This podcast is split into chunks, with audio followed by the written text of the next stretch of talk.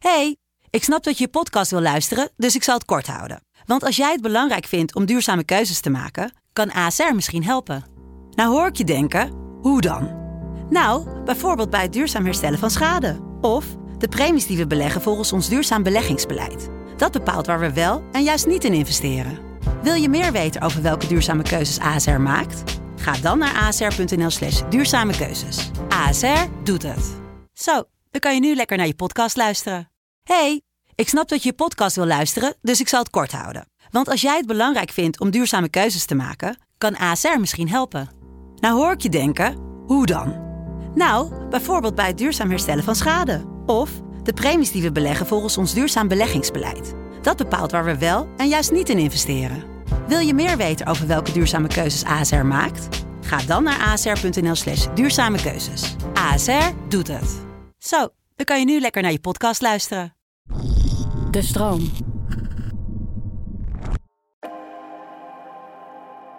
Ik had nog nooit klik gemaakt dat ik het uiteindelijk zelf moest doen. Ik had altijd de hoop dat iemand een handreiking deed en die zei van joh, ik ga het nu voor je doen. Je hoeft niks te doen, ga maar zitten. Komt gewoon goed.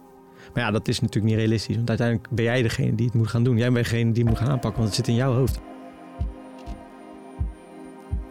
Alwin Ritstier kampt al sinds jonge leeftijd met angsten. Maar wanneer hij op negenjarige leeftijd zijn eerste paniekaanval krijgt, begint angst zijn leven meer en meer te regeren.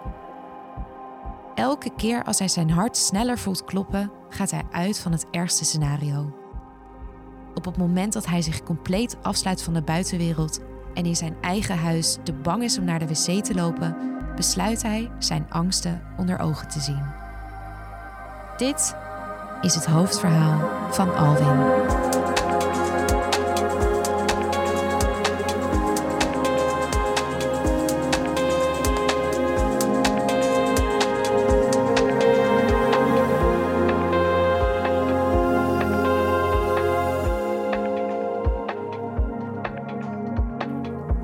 Ja, jij hebt je hele leven al last gehad van eh, angsten en ook wel van paniek. Maar er is één paniekaanval geweest die echt wel het allerergst was. Hè? Waar was je op dat moment? Eh, ik stond bovenaan de trap bij mijn vader. Ik woonde destijds nog bij mijn vader. Ik zat nog op eh, de Willem de Koning, de kunstacademie. En ik was bezig met monteren. Van iets, ik weet niet meer precies wat, maar ehm, ik, eh, mijn vader riep vanuit beneden van... eh, Alwin, eh weer even de, eten, even de tafel eh, klaarzetten. En ik weet nog dat ik opstond vanuit de stoel en dat ik dacht van, oh, ik vond een beetje raar. Maar goed, ik dacht niks er eigenlijk van in eerste instantie. Wat, wat, wat voelde je ra- raar? Ja, eh, een beetje beklemmend. Een beetje zweethanden. En eh, ik stond bovenaan de trap. Dat was een paar stappen verwijderd van eigenlijk waar ik zat. En ineens begon mijn hart heel erg te bonken. En ik dacht, hè, wat, wat is er nu aan de hand? En ik, ik zei tegen mijn vader vanuit boven van, het gaat niet goed. Dus ik ging naar beneden en hij hoorde het niet echt volgens mij, want hij was aan het koken. En eh, ik liep naar beneden en alles draaide om me heen. En zweethanden. En op een gegeven moment eh, liep ik de woonkamer in en ik zeg, pa, het gaat echt niet goed. Je moet echt, eh, ja, het gaat niet goed. En ik, ik ging echt op de grond zitten in de keuken. En mijn vader was gewoon rustig eh, met zijn pannen bezig en dat soort dingen. Ehm, en ik zeg, nee, je moet echt de ambulance bellen. Het gaat niet goed. Mijn hart bonkt in mijn keel. Het gaat, het gaat echt niet goed. En eh, Wat helemaal... dacht je dat er gebeurde Ja, op ik dat dacht dat er een moment? hartaanval aan, aan het krijgen was. En het draaide, het spinde, de hand, zweethanden, hartkloppingen. Ja, het was gewoon eh, de volle Ja, paniekaanval. Je dacht Wat echt dat je dood ging. Ik, ja, ik dacht echt dat het dood ging. En eh, hij bleef heel relaxed. Het was een soort van hyperventilatie eigenlijk, aanval die ik op een gegeven moment ook qua eh, ademhalen, dat lukte ook niet heel goed meer. En op een gegeven moment pakte hij een zakje uit de, ja, zo'n papieren zakje waar je cadeautjes in kan doen. Van ga hier maar dan opblazen. Eh, en eh, toen ben ik dat gaan doen. Toen werd het wel ietsjes beter op een gegeven moment na verloop van tijd. Hij zei ga maar op de, op de bank liggen. En eh, hij maakte een beetje grapjes en zo. Bleef best wel rustig en relaxed. Ehm, ik ben toen op de bank gaan liggen en dat, ja, dat was echt eh, alleen maar trillen en eh, gevoel hebben van eh, machteloosheid en, en, en angst. En Dit gaat helemaal niet goed. dit gaat niet goed. Ik heb een paar keer tegen hem gezegd, je moet echt de ambulance gaan bellen, want het gaat echt niet goed. Je was er echt van overtuigd. Ja, ik was overtuigd dat ik dood ging. Ja. Hoe oud was je toen? Ik denk dat ik toen 24 of 25 was. Ja. Ja. Hoe is dat om dat zo te vertellen? Nou, ik moet zeggen dat ik nu weer een beetje zweethanden krijg. Omdat je dan toch even weer erover nadenkt. Oh ja, dat was wel rot. Maar gelukkig weet ik wel nu beter dat het een paniekaanval is dan dat ik dat toen wist. Toen wist je niet dat dat... Uh... Nou, ik Echt dacht, was. Nou, ik dacht meer de intensiteit dat het was. Dacht ik van, dit is iets anders. Dat stemmetje wat elke keer altijd oppopt van... ja, maar misschien is dit keer wel iets anders. Dat popte ook op, want ik denk van ja, zo erg heb ik het nog nooit gehad. Nee, nee want je had dat dus, wat ik net al zei, eerder last gehad van angsten. Hmm. Uh, maar dit was echt een hele heftige paniekaanval. Ja, en ik ben toen ook die week gelijk weer naar school volgens mij gegaan. Hoewel het dat niet echt heel fijn was, omdat het allemaal, ja, zo'n nasleep van een paniekaanval, als het een echte paniekaanval is, is best wel lang. Ja, want zo'n paniekaanval is echt afschuwelijk. Ja. Um, wat was die nasleep? Nou, hoe, hoe, hoeveel banger werd je daarna? Nou ja, uh, zo bang dat ik eigenlijk niks meer wilde. Maar. Wat bedoel je met niks? Nou ja, het liefste wilde zat, zat ik gewoon op de. Uh, lag gewoon op bed en deed niks. Dus niet mijn stilo, doe ik niet graag. Maar dat, is wel het gevoel. Nee. Nee, want ik weet altijd dat dat niet de oplossing is. Het liefst doe ik het wel en dan doe ik het één dag. En daarna denk ik wel weer van de volgende stap, ik moet wel iets gaan doen. Dat heb ik altijd wel, dat heeft altijd een beetje in me gezeten. Um, maar het gevoel was er wel. Ik dacht wel van ja, ik heb liever dat ik gewoon nu blijf liggen op de bank. Met alles een voelde ineens zakje. eng aan. Ja, en dat zakje werd op een gegeven moment ook een soort van ding wat ik mee moest nemen. Uh, dus ik zat in de bus, zat ik ook zo te blazen. Ik had een stressballetje, die had ik nog toevallig in mijn, in mijn la ergens liggen, dus dat moest ook mee. En, en een boek over paniek trouwens ook nog. Dat moest ook mee. Oké, dus je had drie totems na die paniekaanval waarvan je, waarbij je je veilig voelde. Ik noemde het met talismannen. Je talismannen, ja, ja, ja. Want um, ja, je hebt je hele leven al angsten gehad. Waar was mhm. je op dat moment het meest bang voor na die hele heftige paniekaanval? Uh, nou, ik, ik zei altijd voor dat ik uh, een hartaanval krijg. Maar ik denk dat dat altijd bang voor de angst was. Ik weet natuurlijk niet wat een, wat een hartaanval is, gelukkig. Um, en hoop ik ook nooit te weten hoe, hoe, dat voelt. Maar ik was wel bang voor de symptomen die ik ging, zou kunnen krijgen. En dus ik was eigenlijk bang voor de angst. Maar ik zei altijd dat ik bang was voor een hartaanval. Mm ja. ja, dus je voelde bepaalde dingen in je lichaam. Mhm.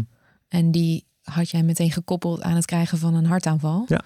Maar nadat je een paar keer zo'n angstaanval had gehad, wat ook verschrikkelijk eng is, mm. werd je eigenlijk bang voor de angst. Hè? Dus noemen we dat dan anticipatieangst. Ja. Dus bang om weer een paniekaanval te mm. krijgen. Ja. En voor wat voor dingen was je in die tijd nog meer allemaal bang? Uh, ik denk dat wel vooral mijn grootste angst altijd een hartaanval is geweest. Omdat dat die symptoom is die gewoon het meest, althans, die ik gekoppeld heb aan uh, angst, uh, ook opspeelde. Want namelijk de hartkloppingen. Dat vind ik gewoon heel naar en heel ongrijpbaar. Maar ik had ook, ja, ik had gewoon overal kreeg ik hartkloppingen. Dus, dus in de bus kreeg ik hartkloppingen. Uh, als ik uh, ergens heen ging, wat ik een beetje spannend vond, dan kreeg ik hartkloppingen. Wat wel veel meer mensen krijgen waarschijnlijk. Maar ik het altijd naar het overdreven trok, omdat ik en dan in een loop blijf zitten, waardoor het steeds erger wordt. Want je, je voedt je gedachten steeds. En dat, ja, dat, dat, dat is denk ik het lastigste. En was toen ook het echt het lastigste. Mm Lastige.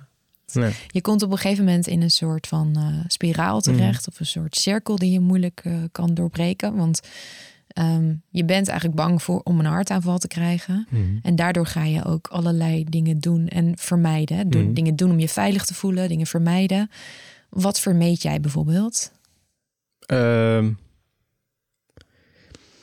in die tijd alles waar ik dacht angstig van te worden. Dus uh, eh, OV werd wel een ding. Dus ik ging op een gegeven moment, als ik met OV ging, ging ik met iemand bellen, want anders uh, kon ik het niet. Wat, wat zou er anders gebeuren? nou, ik had in die, die, die week daarvoor of zo, of die week daarna, had ik ook een paniekaanval, een soort van die wat, wat lichter was in de bus ook ervaren. Op weg naar mijn vriendin destijds. En dat was ook wel intens. En dat, dat draagt er niet bij dat ik me zekerder ging voelen. Dus dat werd nog erger eigenlijk. Ja, dus toen werd je ook onzeker in het OV. Onzeker in je het OV. dat koppelde eigenlijk, het krijgen van een paniekaanval aan Ja. in het openbaar vervoer zitten. Ja.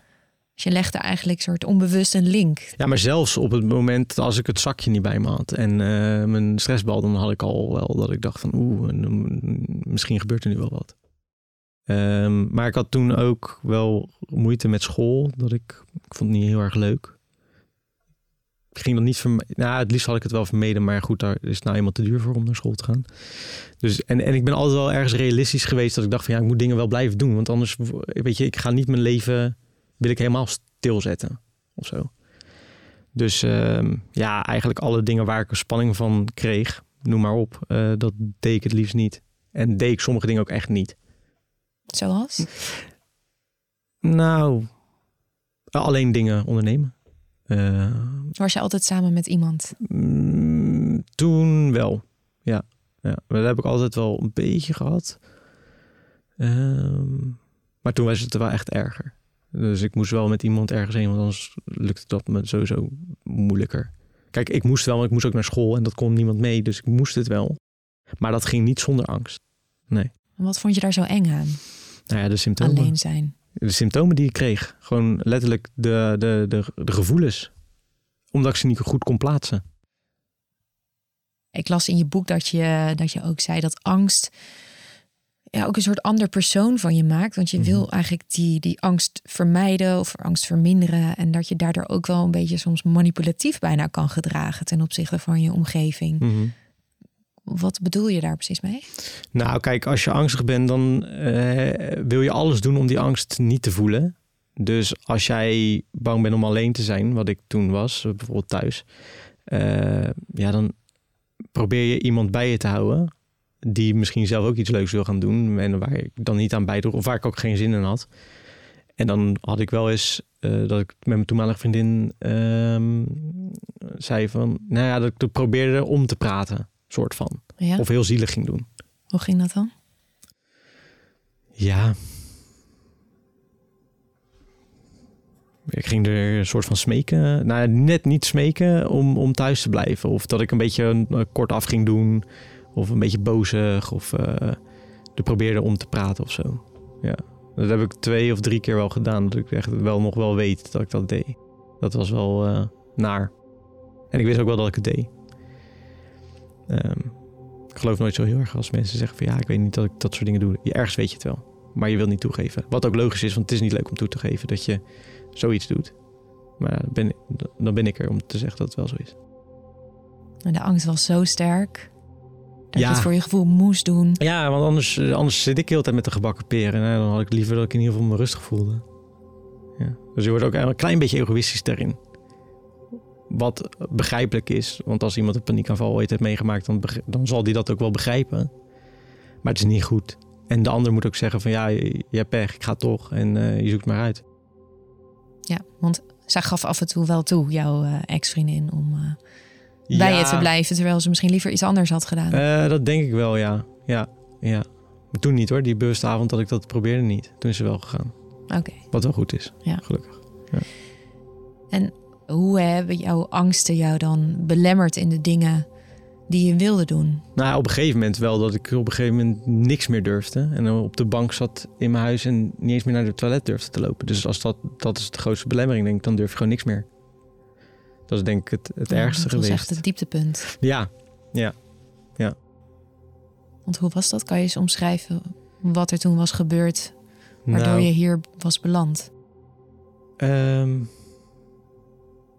nou, dat is dus een jaar vijf geleden. En mijn relatie ging destijds uit. Um, en ik woon in Rotterdam-Zuid. Niet de mooiste buurt. Um, en ik zat thuis. Ze was al een tijdje weg. En, um, of tenminste een paar dagen. En ik zat echt zo op de bank. En op een gegeven moment ook met die hartkloppingen. Dat, dat bleef altijd een beetje... Op een gegeven moment is dat in mijn hoofd gekomen. En dat gaat dan weer tijdelijk weg. En toen kwam het weer... Oh, en toen speelde het heel erg op. Toen kreeg ik die hartkloppingen en toen had ik echt het moment dat ik zat op de bank en naar de, de deur van de wc keek. En dat ik dacht van ja, ik durf er gewoon niet heen te lopen, want ik weet niet wat er gaat gebeuren. Want ja, als je dan gaat lopen, dan voel je die hartklopping ook echt intens. Want ja, op een of andere manier komt, drijft dat, komt dat gewoon heel erg naar boven. Uh, want normaal hoor je je hartslag ook niet zo erg te voelen. Um, en, en, ja, ik, ik zat echt en ik dacht van, is dit nou mijn leven? Ik ben 28, ben eigenlijk gezond. Althans, dat hoopte ik. Ergens wist je dat wel. Ja, ergens wist je dat wel. Maar dat is toch de, de, alle gevoelens die je hebt, dan heb je het idee dat het niet zo is. Nee, allerlei stemmetjes vertelden jou dat het misschien ja, iets heel ergs met ja. aan de hand kon zijn. Ja, en ik zat zo te kijken en ik, ik, dacht van ja, ik moet echt een stap gaan zetten. Ik moet gaan opstaan nu, want anders, weet je wel, ik kan niet op de, wc, op de, op de bank gaan plassen of zo, weet je wel. Dat gaat gewoon niet. En toen dacht ik wel van ja, dit kan niet mijn leven zijn. Ik ken niemand die er zo bij zit. Uh, althans, niet uh, persoonlijk. En ik dacht, als ik hier niet uit ga komen, dan kom ik er denk ik nooit meer uit. Dus toen ben ik de eerste stap gaan zetten. Moest wel. Ja, was echt een besluit. Ja, ik dacht, ik moet nu. Ik heb toen ook een datum volgens mij in mijn agenda gezet. Ik heb hem nooit meer terug kunnen vinden, maar ik heb het toen wel gedaan, weet ik. Uh, met dit is de dag dat ik het ga veranderen. Dus dat heb je heel bewust ja, opgeschreven. Heb ik, dat wel, nou, heb ik dat wel vaker gedaan. Maar niet zo overtuigend. Want ik dacht van, ik stond, stond er zo alleen voor. Daarvoor had ik een relatie. We, we, deden best wel veel dingen samen. We hadden zelfs een bedrijf samen. Uh, en ik kwam er helemaal alleen voor te staan. En, en, toen dacht ik, ja, maar ja, blijkbaar kon ik het wel allemaal met diegene. Maar waarom kan ik het dan niet alleen? En daar ben ik toen wel over na gaan denken. Um, en je wilde het weer alleen kunnen? Nou, ik moest het wel alleen kunnen. Ik kan niet tot aan mijn dood uh, mijn leven uh, weggooien omdat ik het niet, durf, uh, niet aandurf. En had je tot dan toe te veel op anderen geleund voor je gevoel? Ja. Ja. Ja, ik, ik, ik was altijd op zoek naar een zin of een, een iets wat me kon helpen. Want ik had therapieën gedaan. Ja, lukte tijdelijk. Maar ik had nog nooit klik gemaakt dat ik het uiteindelijk zelf moest doen. Ik had altijd de hoop dat iemand een handreiking deed en die zei van joh, ik ga het nu voor je doen. Jij gaat, je hoeft niks te doen, ga maar zitten. Komt gewoon goed. We gaan het allemaal voor je fixen. Maar ja, dat is natuurlijk niet realistisch. Want uiteindelijk ben jij degene die het moet gaan doen. Jij bent degene die het moet gaan aanpakken, want het zit in jouw hoofd. Je kan hulp krijgen. Je kan nog zoveel informatie tot je nemen. Maar als je niet die eerste stap zet, niet naar buiten gaat, niet hetgene waar je bang voor bent gaat doen, dan zal het altijd een onderdeel van jezelf blijven. Anders, anders gaat het niet. Je, je, hersens, je moet je hersens gewoon trainen. En dat realiseerde je ineens op dat moment? Nou, dat niet. Maar daar kwam ik later achter. Maar ik denk dat het wel een soort van iets was in mijn hoofd dat ik dacht van ik, dit, dit, het was niet dus dat ik de zin wist waar uh, je zal het zelf moeten doen. Nee. Dat, dat, dat niet. Maar, maar wel een gevoel, een gevoel dat ik dacht van het klopt niet. Dit, dit, dit leven klopt niet. Nee. nee. En als je nu we gaan straks even hebben over hoe dat dan daarna ging, vanaf dat moment dat die mhm. knop omging. Ehm, maar wat miste je allemaal door je angsten? Wat, welke kansen heb je laten liggen? Nou, ik, kijk, ik, ik maak video's, um, ik schilder, ik uh, teken, ik, nou, ik doe allemaal creatieve dingen. En ik heb op een gegeven moment voor mij 2014, 2015 keer aangeboden gekregen om in Berlijn te gaan exposeren, bijvoorbeeld. Ja, dat durfde ik gewoon niet aan. Dat, dat, vond ik gewoon, dat was gewoon te ver voor mij. Dat, dat, dat lukte me echt niet. Voor de meeste mensen die dit luisteren denken, wauw, Berlijn, ja, exposeren, tof, ja. ja. waarom niet? Ja, maar ik dacht van ja, en ergens wilde ik het wel, maar ergens ook weer niet. Ik, ik heb meerdere kansen gehad op videogebied, op, op dingen die ik misschien zelf wilde, die ik niet deed. En ik, ik, ik hield het zo klein mogelijk, omdat ik het niet durfde. En dacht van, ja, uh, paniek blijft altijd een ding wat uh, de boventoon voert. Nou wist ik dat niet per se dat dat echt zo was op dat moment. Maar ik wist wel altijd dat als ik die spanning kreeg, dat ik dacht van of ik stelde het uit of ik. Uh, nou, ik heb niet zo vaak meer niks van me laten weten, maar dat heb ik ook wel eens gedaan. Omdat ik dacht van ja, ik, je wilt ook niet toegeven dat, dat je het niet kan. En school heb ik gewoon ook niet zo aangepakt als dat ik nu achteraf denk van welke kans ik had kunnen grijpen daarin. En dat kwam allemaal voort uit die angst voor de angst. Angst voor angst, ja. En laten we nog even teruggaan naar dat moment waarop eh, de knop omging. Mhm. Ehm, wat is toen de eerste stap geweest die je daarna hebt gezet? Nou ja, ik heb, ik, ik heb een cursus online aangeschaft. Daar ben ik toen 15 weken mee aan de, aan de, aan de haal gegaan. Omdat ik Ja, op een of andere manier. Het, het idee had, ik moet het echt wel zelf gaan doen. Maar ik heb al zoveel therapieën dingen gedaan. Misschien lukt dit. We gaan het zien. Ja, je wilde het juist helemaal op eigen benen gaan doen. Ja, ja want het was tot die... Kijk, ik, je, je bent 28 en alles wat je tot die tijd hebt gedaan... je blijft nog steeds terugkomen bij hetzelfde. Dus ik dacht, ja, ik moet toch zelf gaan aanpakken. En ik had mezelf ook echt twee maanden tijd gegeven. En ik, ik had intuïtief op Instagram gezegd van, joh, ik ga rond... Ik, moet mezelf naar buiten gooien, want ik zit nu op de... Op, ik, ik durf niks. Ik weet nog zelfs welke foto ik maakte. Ik maakte een foto in de, in, de, in de lift. En ik dacht, ik moet het gewoon gaan plaatsen nu, want dan heb ik een stok achter de deur. Ik moest elke dag van mezelf in ieder geval rond het appartementencomplex lopen. Um, en dan weer naar binnen en dan, en dan zie ik het wel. En, maar dat, dat moest elke dag. En ik ging het elke dag ook delen. Ja, toen ben ik zo begonnen eigenlijk. En op een gegeven moment probeer je dat op te rekken. In het begin durfde ik nog niet eens naar de voordeur te lopen. Dat had ik dan wel al gedaan. Dat was een paar dagen daarvoor. Ging ik naar de deur lopen en dan weer terug. En dan weer. En dan de galerij op naar de lift en dan weer terug. En dan ging ik het zo opbouwen. Je ging jezelf stap voor stap uitdagen en blootstellen aan datgene waarvoor je bang was. Om te testen of datgene ook waar je bang voor was, of dat zou uitkomen. En of je het zou kunnen verdragen op zijn minst, die angst. Maar zo dacht ik er niet over na. Ik dacht er meer over na. Ik wil gewoon van deze angst af. En de angst kan ik er alleen maar af en afkomen door dingen te doen. Um, en um, dus, dus ja, ik deed dat gewoon. En, en ik kreeg best wel veel support vanuit mensen die het ook herkenden. Uh, inmiddels had ik ook al een documentaire over al, al, al mijn angst online gezet. Uh, dus mensen wisten ook van mijn angsten af. Dus het was al in de uh, oude die open in dat opzicht. maar ik, ik, ik denk dat ik nog nooit zo bewust de keuze heb gemaakt van nu moet ik dat gaan doen. Um, maar het was wel heel erg. Ja, het voelt een beetje machteloos dat je het in stapjes moet doen. Want je denkt als mens zijnde, iedereen kan het. Iedereen kan gewoon naar buiten lopen. Iedereen kan gewoon boodschappen doen. Maar dat lukte mij echt niet op dat moment. Maar mijn boodschappen raakten wel op. Dus ik moest wel echt gaan oprekken. Want anders, kwam, ja, anders kon ik niet eten. Dus er was ook een soort van druk. Ja, en je had het anderen verteld. En die support je, dat hielp, ja, hielp dat je ook wel, om die stapjes te zetten. En ik snap wel wat je bedoelt. Want je, je, je hebt inmiddels de eh, beslissing gemaakt dat je, dat je er gewoon vanaf wil. Hmm. Maar ja, dan moet je er nog heel langzaam naartoe werken. Dus zo snel als dat je dat in je hoofd hebt besloten, zo snel gaat het niet. Mhm. En um, je leerde ook meer over je angst. Hè? Dus je mhm. bent er echt in gaan verdiepen.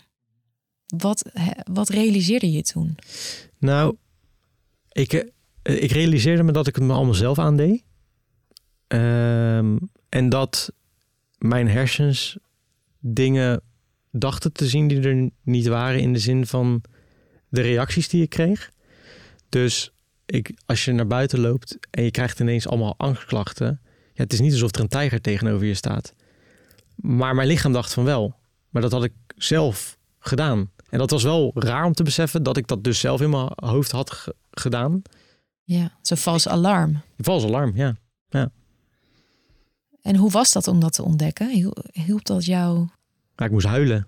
Want ik dacht van, heb ik dit nou altijd mezelf aanlopen doen? Heb ik dit nou, weet je wel, dat ik dacht van ja, hoezo is dit nog nooit zo naar binnen gekomen bij mij?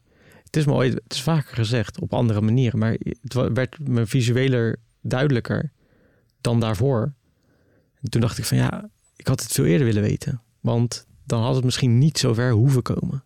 Als dit als kind al maar ja, goed, misschien dat je als kind dat ook helemaal niet begrijpt. Maar als ik dat al had geweten, had ik dat misschien... had het toch wel twintig jaar wel wat, wat, wat, bespaard, in ieder geval. Ja. Als we even teruggaan naar jouw kindertijd. Mm Je was altijd al wel een angstig kind. Mhm.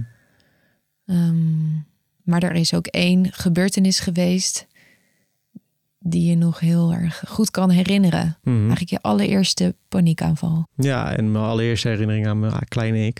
Ik was negen en ik deed mee aan, uh, aan een grote musical in Nederland, Oliver.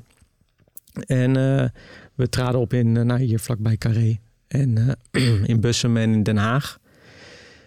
En hele zomer gerepeteerd, was 1999. ik vond het leuk, maar ik vond het ook spannend.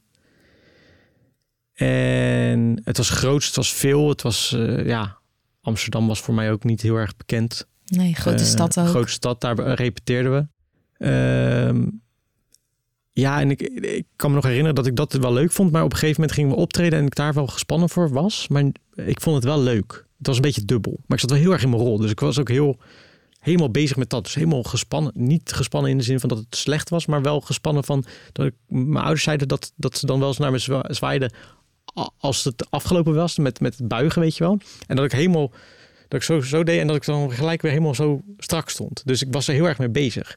Ja, zat heel erg in je concentratie. Ja, ja, ja. En, en na, na de vijfde keer ging het fout. Um, ik had inmiddels dus vier of vijf keer opgetreden. En we waren naar een nieuwe locatie gegaan in Den Haag. En uh, de hoofdrolspeler uh, veranderde. Het was van uh, Arjen Edeveen ging naar Willem Nijholt. Alleen ze hadden dus niet heel goed doorgegeven. Er stond iets in het script dat, ze, uh, dat, dat hij mij van een krukje af moest duwen. Maar het was altijd dat, het, dat ze hem gewoon zo weggooiden. Ik durfde dat niet. Ik vond dat heel eng. Dus dat hadden we bij de, uh, bij de repetitiefase hadden, we dat al, hadden ze dat al genoteerd. Van Alwin wil dat niet. Maar hadden ze niet doorgegeven. Maar in het script stond natuurlijk iets anders. Dus hij, bij de repetitie met hem, gooide die me eraf. En ik schrok daar heel erg van. En ik had echt het idee dat ik door de lucht vloog. Het zal echt niet zo hoog zijn geweest. En dat ik op mijn arm valde. En ik kan me herinneren dat ik daar heel erg van geschrokken ben. Toen ben ik s'avonds nog wel opgegaan. Maar op een gegeven moment, op een bepaald stuk in het, in, in, in het toneelstuk, kwamen die gevoelens die ik dus later ook ervaarde, ook. Dus hartkloppingen, het ging duizelen, ik kreeg zweethanden. Ik had echt het idee, ik moet hier weg. Dus ik ben toen, ook al mocht ik niet weg, want het zat niet, stond niet in het script, mhm. ben ik wel weggelopen. Wat dacht je dat er ging gebeuren, dat je echt weg moest? Um, ja, ik begreep er gewoon niks van. Het, het, duizelde allemaal. Ik, ik dacht dat ik flauw ging vallen vooral. En ik denk dat ik heel intuïtief gewoon weg ben gelopen. Omdat ik dacht van ja, ik, hier moet ik niet zijn. Want blijkbaar roept deze situatie iets op. Toen ben ik, uh, vrienden van, me, van mijn ouders zaten in de zaal. En die zeiden dat ik dus wegliep en nog zwaaide naar, het, naar uh, de mensen. En, en toen ben ik naar de coulissen gelopen. Daar was niemand, dus daar schrok ik ook van. Want eigenlijk had ik beter de andere kant op kunnen lopen. En pas na tien minuten kwamen ze achter dat ik daar stond. En toen durfde ik niet meer het podium op. Want je stond daar al die tijd helemaal alleen. Ja, ja. ja. Dat is als kind natuurlijk een uh, hele heftige ervaring. Zo'n paniekaanval in je eentje beleven en niet weten wat er precies gebeurt. En weten dat het alleen maar angst is en dat er niks gevaarlijks was. Nee, dat, als dat was gezegd van joh, er is niks aan de hand uh, dan had ik het natuurlijk nog steeds heftig gevonden. Maar dan was het misschien wel iets sneller in mijn geheugen gekomen van oh. Maar dat. Dan had je het kunnen plaatsen. Misschien wel beter, ja. ja. Dan had je misschien minder betekenis aangegeven. Ik denk in, in de jaren negentig dat dat nog niet zo heel erg werd gezien, denk ik ook. Dat waren andere tijden. Hele andere tijden, ja. ja, ehm, en je, Jij was volgens mij altijd al een gevoelig kind. Hè? Sommige kinderen zijn wat gevoeliger dan anderen, hebben een ander temperament, zoals we dat noemen. Mm. Jij, en, ja, jij was altijd al iets angstiger. Maar het zat ook wel een beetje bij jullie in de familie. Ja, ja wel. Uh, tenminste, wat ik nu begrijp wel. Ehm, toen had ik dat niet echt door. Nee. Maar mijn vader was wel angstig voor dingen. Uh, zenuwachtig. Nu als ik wel eens naar hem kijk, dan denk ik, oh ja, ik zie mezelf. Uh, mijn moeder bleek ook angstig. Ik dacht dat mijn moeder altijd heel erg uh, sterk vrouwtje was. Klein 1,48. Maar die was dus blijkbaar heel angstig. Uh, voor de dood vooral ook. Um, mijn zus weet ik niet zo goed. Maar mijn ouders allebei weet ik wel dat die wel echt angstig waren. En dat lieten ze niet eens zozeer blijken. Maar achteraf gezien heb je dat misschien wel gevoeld als kind. Nou, mijn vader was wel afwezig. En altijd een beetje kort af en zo. Als hij dan in een cd-winkel stond met ons, dan zei hij, blijf godverdomme nu staan.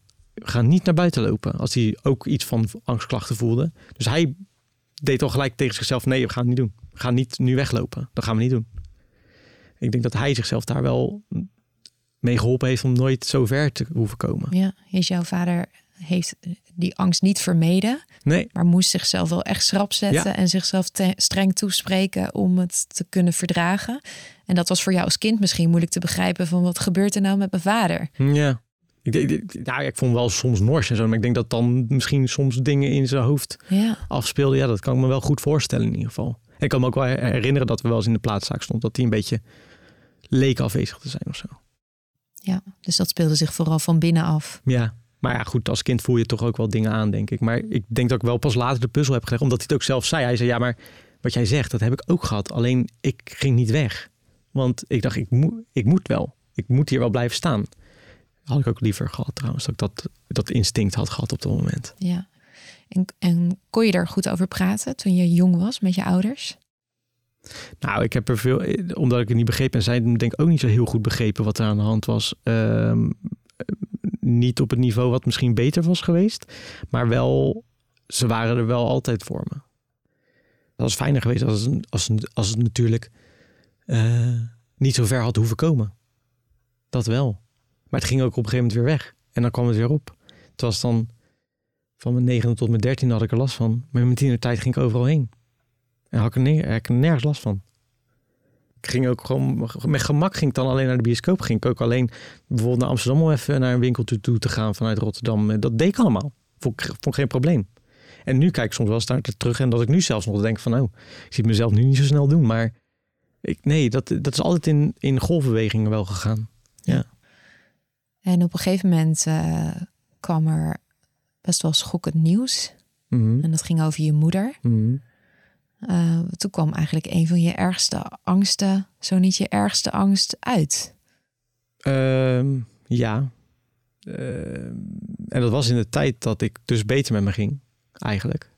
Ehm, was 14 of 13 toen zij de diagnose borstkanker kreeg. Maar mijn moeder was nogal een uh, vrouwtje wat gewoon doorging. Dus daar merkte we eigenlijk niet zoveel van. Dan, ze, heeft, ze heeft wel echt in het ziekenhuis gelegen. De borst is ook geamputeerd. En dat, dat is allemaal. Maar mijn moeder liet dat allemaal niet zo heel erg blijken. Um, een paar jaar is dat weg geweest. Of tenminste, misschien sluimeren, achteraf gezien. En toen ik 18 werd, ging ze moeilijk lopen. Kreeg ze last van de arm. En toen is ze op een gegeven moment in bed komen te liggen. En toen, toen kregen we te horen dat ze botkanker had. Wat ik niet wist wat het precies was. Uh, nu achteraf weet ik dat het dus blijkbaar heel pijnlijk is. En dat het echt uh, eigenlijk al wel...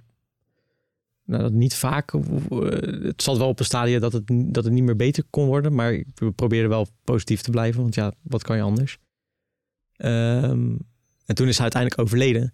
Maar het gek genoeg in die tijd heb ik dus helemaal nergens last van gehad. Ja, ik vond het vervelend. En ik, ik maar ik heb er niet veel meegekregen. Want mijn ouders...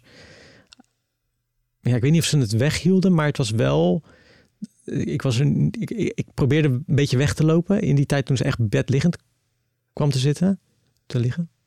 Um, Hoe deed je dat dan? Ja, gewoon weggaan. Veel uit huis zijn. Ja, ja. Ja, en uh, tot, op, tot op zekere hoogte dat ik ook, want ik was toen student en ik had niet zo heel veel geld, dat ik ook ging jatten van mijn vader uh, geld, omdat ik gewoon niet thuis wilde zijn. En toen niet toegaf dat dat die reden had. Ik heb dat toen ook niet verteld, heb ik pas later verteld. Ik kreeg daar een beetje, toen mijn moeder overleden was, best wel gespannen gevoel ook van. Dat ik dat gedaan had. Maar ik, ik, ja, ik denk dat ik gewoon niet thuis wilde zijn. Niet dat ik dat bewust deed hoor. Ik dacht niet van ik wil nu niet thuis zijn, maar wel dat ik dacht van. Je moet weg bij die het is hele, geen leuke hele zware situatie. Ja, ja, ja. het is natuurlijk ook vreselijk om je moeder zo te moeten zien. Dus. Ja, dat ging echt tot, tot op de heftige toe. Dat je echt denkt van ja, zo wil je iemand niet zien op zijn laatste moment. Nee, nee. Nou uiteindelijk heeft ze een euthanasie gepleegd. Um, en dat was wel heel erg raar. Maar ik stopte het wel allemaal weg. Dus ik heb een jaar daarna... Ik kreeg voor het eerst een relatie. En daarna toen wij... Uh, uh, toen mijn moeder overleed. Vrij, vrij kort daarna. En ik heb dat toen best wel lang weggestopt. Totdat ik eigenlijk wel heel somber raakte. En die relatie uitging. En toen echt wel begin twintig was. En even niet wist hoe en wat.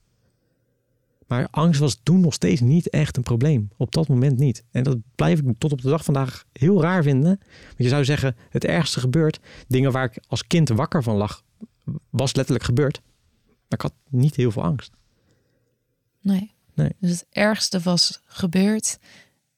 En, en toch overleefde je dat ook weer. Maar dat kwam ook gedeeltelijk omdat je jezelf een beetje uit had gezet. Zo, zo, ik denk het wel. Zo lijkt het. Ja, ja. ik denk het wel. En later kwam het toch wel weer terug. Hè? Ook ja. uh, die angst voor ook zelf ziek te worden. Dus... Mm -hmm. Ja, maar gek genoeg niet kanker. Dat had ik daarvoor altijd al gehad. En daar werd ik daarna niet meer banger van. Het was toen echt alleen maar hard. Omdat dat zo'n... Onvoorspelbaar was. Onvoorspelbaar, maar ook zo... Uh, je voelt het echt zitten. Kijk, kanker hoef je niet per se in het begin te voelen zitten. Maar een hartklopping voel je. Ik denk dat ik dat daarom dat zo extreem altijd heb gepakt. Dus dat Ja. is ook een van de dingen die je deed. Hè? Dus je, je hartslag telkens controleren Mhm. in je nek. Ja. Om te kijken pols. of die nog of op je pols. Als ik schrok, ah ja, als ik hem niet voelde, schrok ik en dan kreeg ik juist aan een stoot en dan ging die harder kloppen. Dus dat was dan ook weer eh, fijn. Ja, dus eigenlijk maak je het daar juist mee erger mee, want je raakt gespannen en dat voel je dan weer en dan creëer je als het ware een weer cirkel. blijven. Ja. Ja. En je hebt het ook eh, in je boek gehad over acceptatie, dat dat ook een hele belangrijke stap voor je was. Ja. Het accepteren van jezelf en van je angsten. dat het nou eenmaal zo is wat het is. En ik me er niet, geen oordeel meer aan hangen. Proberen het te zien dat het nou eenmaal op dit moment in ieder geval een onderdeel is van wie ik toen was. Ehm, en dat het misschien ooit beter wordt. En als het niet zo is, dan leren we ermee leven.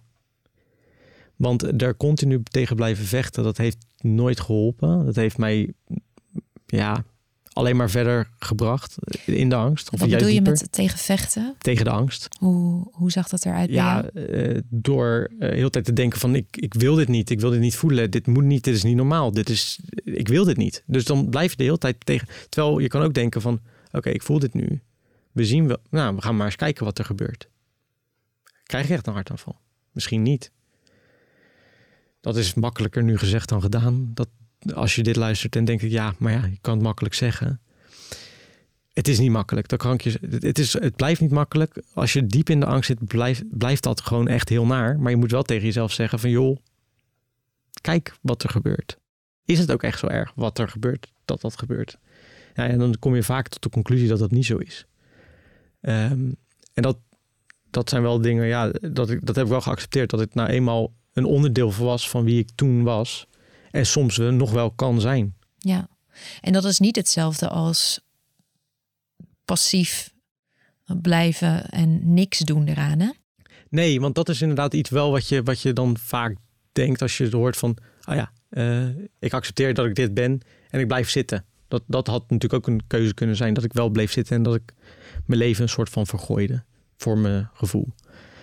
Ehm, je, je moet goed aan de slag gaan om dat wel te doen. Oh, Je kan het accepteren, maar je moet nog steeds wel proberen de stappen te volgen die je wil volgen om, om eruit te kunnen komen. Dat wel. Maar dat het nu zo is. Kijk, ik wil de hele tijd tegen mezelf zeggen van... ja, maar waarom nu weer, weet je wel? Waarom gebeurt dit nu weer? Waarom, waarom ik? Waarom eh, kan je ook- iedereen was je boos op jezelf? Ja, tuurlijk. Ja, ook. Ja, ook boos. Ehm, ja, zeker boos. Omdat? Nou, omdat ik iedereen zag. Kijk, social media bijvoorbeeld draagt niet bij aan dit soort dingen. Want je ziet iedereen alles doen in het leven. En je denkt zelf, ik zit hier op de bank, ik kan het allemaal niet. Dus je wordt heel erg boos van, yo, waarom kan jij het dan niet? Wat is er aan de hand? Je bent niet echt ziek. Er zijn mensen die het veel erger hebben dan jij. Nooit een goede beslissing om dat te doen tegen jezelf te zeggen. Want elk gevoel mag er zijn in die zin. En probeer die om te vormen naar iets wat iets positiever is in ieder geval. Praat tegen jezelf zoals je tegen een vriend zou praten in zo'n situatie. Je gaat ook niet tegen een vriend zeggen van joh, sta nou op. Je kan het wel. Je, je bent toch niet gek? Dat doe, je, dat doe je wel tegen jezelf, maar dat doe je niet tegen een vriend. Want dan, dan zou de vriendschap heel kort duren. Ja, Als je tegen die vriend zegt van, of dus tegen jezelf. ehm, joh, we gaan het in ieder geval proberen. Als het niet lukt, ga je weer zitten. En zo ga je verder. Heel bemoedigend en Ja. vriendelijk. En dat is heel moeilijk, want het negatieve stem blijft altijd. Ja. Dat, is, dat is het makkelijkste ook om naartoe te gaan. Ja, daar zit die shortcut, hè? Maar ja, die zit, die zit er wel. Het positieve omdraaien. En, dat, en daar moet ik soms ook weer tegenaan lopen. Daar ben ik laatst ook weer tegenaan gelopen. Te veel negatieve gedachten. Dan, dan op een gegeven moment moet je dat weer voor jezelf om gaan switchen. Dat, dat is niet anders. Kan je een voorbeeld noemen van zo'n negatieve gedachte? Nou, op dit moment dan, eh, of de afgelopen tijd, dat eh, dingen niet goed gaan of zo, weet je wel. En dat ik het dan, eh, dat ik meer kan en dat ik meer moet kunnen. En eigenlijk hetzelfde, eigenlijk een beetje hetzelfde wat ik dan toen had. Weer in, in een, in een lichtere dosis gelukkig. Ja, Ehm, van je moet het nu wel kunnen. Iedereen kan het. Je kon het vorige week ook. Waarom? Weet je wel, dat je dat weer naar jezelf zegt van oké, maar nu lukt het dus niet. Maar we gaan het in ieder geval proberen. We gaan in ieder geval proberen om weer terug te komen van waar we ooit waren. Als ik daar niet komt, maakt dat uit. Maar we gaan het proberen in ieder geval. Ja. Dus je bent je wel meer bewust van die interne criticus, hè, Mhm. die jou dan zo naar en streng toespreekt. En als je daar bewust mee bezig bent, kan je die ook best wel even buiten de deur zetten en de, de goede vriend voor jezelf zijn. Het, het, het, het- ja, Af en toe. maar het, het blijft wel, het blijft, het blijft makkelijker om negatief te denken. Ja.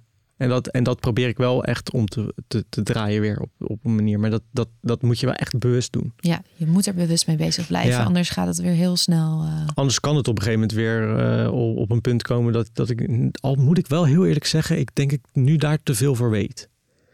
Het weten was voor mij wel de helft van het werk, denk ik. Dat ik echt begrepen, echt goed visueel en, en in mijn, in mijn hele lichaam eigenlijk voelde van, oh ja, tuurlijk, dit doe ik mezelf aan. Dit is wat ik al die jaren al gedaan heb. Dat begrijp ik. Dus ik denk niet dat het ooit nog zo ver hoeft te komen, want ik kan het al eerder stoppen. Ik kan al eerder denken van, oké, maar dit, wat is er aan de hand? Wat doe ik te veel? Ehm, wat is er op dit moment in mijn leven aan het spelen? Ehm, heb ik veel beslissingen te maken? Heb ik veel spanningen?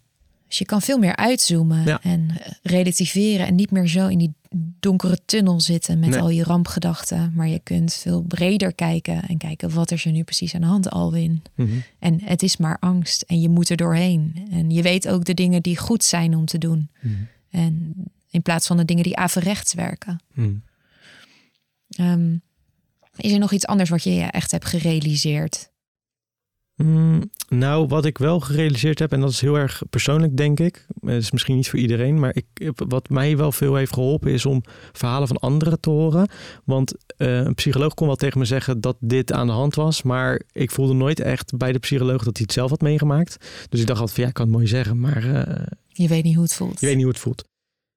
Verhalen van anderen die hetzelfde hebben meegemaakt, wat ik nu zelf probeer ook te doen, eh, in, in heel veel verschillende soorten vormen. Eh, dat heeft mij wel geholpen, omdat ik dacht van oké, diegene begrijpt het tenminste. En die is er vanaf gekomen, dus dan kan ik het ook. Of Ja. die is ermee Dus dat leren leven. motiveerde jou echt als een soort modelfiguur. Ja, ergens wel. En ik zeg altijd van ja, ik heb nooit iemand nodig die mij. Maar ik ergens wel. Want je moet, je moet aan iemand een beetje kunnen optrekken om te voelen dat het, dat het beter kan Ja. gaan. Want die persoon was daar ook ooit op dat punt waar jij was. Ja. En is nu ergens waar jij graag zou willen zijn. Dus dat je, ja, die weg, zeg maar, is al een keer voor je bewandeld. En dat, Die weg is al dan. eh, honderden duizenden keren ik bewandeld. Precies, maar het- ja. daarom is het ook heel belangrijk. maar je hebt maar één nodig. Precies. En daarom ook dit podcasten goed is. Video's, documentaires, boeken. Dat dat allemaal heel belangrijk is om te doen. Niet omdat iemand bijvoorbeeld eh, heel graag over zijn eigen verhaal vertelt. Omdat hij eh, zichzelf zo belangrijk vindt. Maar meer omdat het belangrijk is voor anderen om zich aan vast te kunnen grijpen van oké, maar diegene is, heeft heel diep gezeten. Ik zit nu ook zo diep. Ik ben blij dat diegene nu staat waar, waar die staat. Bijvoorbeeld, ik had een documentaire gemaakt, ik heb een boek geschreven. En daarna zagen mensen eh, in mijn online following dat het beter met me ging. Dat ik allemaal stappen eh, durfde te zetten die ik nooit deed.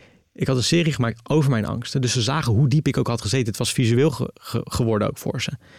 En jaren daarna zag, zagen ze me alleen maar groeien. En kreeg ik ook heel veel DM's van... ik ben blij dat je dit laat zien. Want dan heb ik ook het idee dat ik ook kan groeien. Dat het mij ook gaat lukken wat jij nu ook allemaal kan. Want kijk, je bent nu eh, dit aan het doen wat ik je nooit had zien doen. Of eh, je- Die zichtbare groei. ja. Dat is heel inspirerend. ja, dat besef ik me de, de laatste tijd pas hoor. Moet ik wel zeggen. Want daarvoor dacht ik altijd van ja, het zal wel. Ja. Ik- ja. Over zelf wel gesproken. Dit doet me ook weer denken aan een, eh, aan een uitspraak die jouw vader altijd deed. Ja. Herkennen, erkennen, accepteren en loslaten. ja. Die jij eigenlijk nooit echt wilde horen. Ik vond het heel irritant.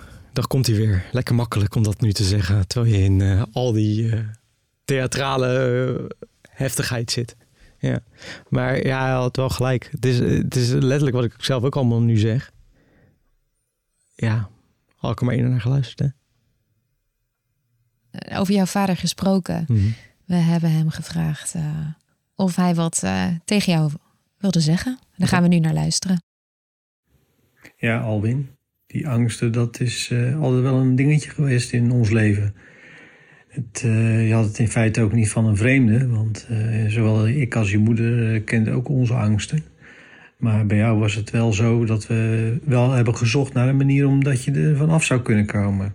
En eh, na het overlijden van je moeder is het natuurlijk ook zo geweest dat we, dat we het samen moesten oplossen. Dat hebben we heel vaak uh, hebben we erover gesproken en uh, we hebben het erover gehad. En ik kwam soms s'avonds laat thuis en dan lag ik al op bed en zei: Pa, kan ik even praten met je? En dan, nou, dan hadden we weer een heel gesprek erover.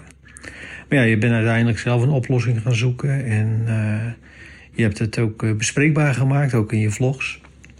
En dat was best wel goed. Je hebt een boek erover geschreven. Ja, ik ben heel trots erop dat je, dat je het gewoon hebt aangepakt. En uh, de manier waarop je er ook mee naar buiten komt, zodat je ook andere mensen kan helpen. Dus uh, wat ik al zei, ik ben, uh, ben heel trots op je. En ga vooral zo door.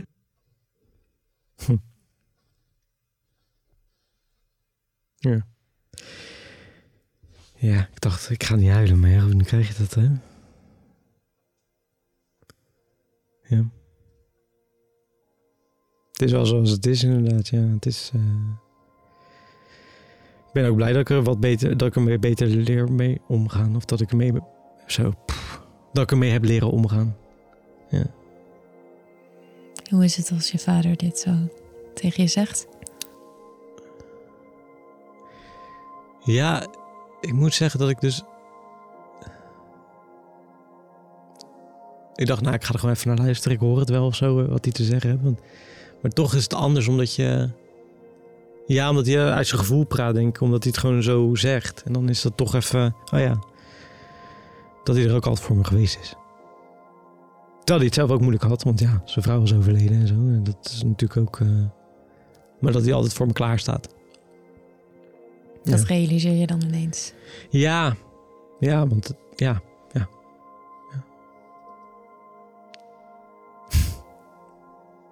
Ja. Hij heeft jou echt heel veel geholpen. Ja, hij heeft veel met me gepraat. Ja, zeker. Ja, en uh, ik denk dat hij het altijd uh, geprobeerd heeft om die dingen, inderdaad, die hij ook zei, uh, tot me door te laten dringen. Maar ik denk dat hij op een gegeven moment ook dacht van, nou ja, dan moet je zelf maar ook achter komen. Dat zei hij ook wel hoor. Hij zei ook wel van, ik denk, daar kom je, je komt er ooit nog wel achter. En dan dacht ik altijd van, pa, ja, weet je, het zal wel. Maar ja, hij had wel, gelijk. Maar hij zei het op de verkeer, niet op de verkeerde manier. Maar hij zei het wel op een manier dat, ik, dat het niet bij mij aankwam. En ik denk ook omdat het, omdat het je ouder is. Ik denk dat je het zelf moet ondervinden, dit soort dingen. iedereen kan het zeggen. Maar kijk, over angst is er nu best wel veel bekend, toch? Meer in ieder geval als in de jaren negentig, denk ik. Um, of in ieder geval wordt het beter uitgelegd. Maar ik denk dat je er zelf aan toe moet zijn soms om het te accepteren. En daar is niet iedereen niet iedereen. Een psycholoog, je kan nog naar een psycholoog gaan. Maar je moet er wel echt klaar voor zijn. Want ik heb het ook vaker gehoord. Ik, ik, ik, wist het eigenlijk wel. Maar blijkbaar niet goed genoeg. Want ik stond er nog niet voor klaar om, om het aan te pakken. Ik moest echt blijkbaar bij mijzelf, en dat hoeft niet iedereen, gelukkig niet zeg, zo diep gaan dat, het, dat ik echt dacht, nu moet ik. Want anders had ik hier nu niet gezeten. Nee.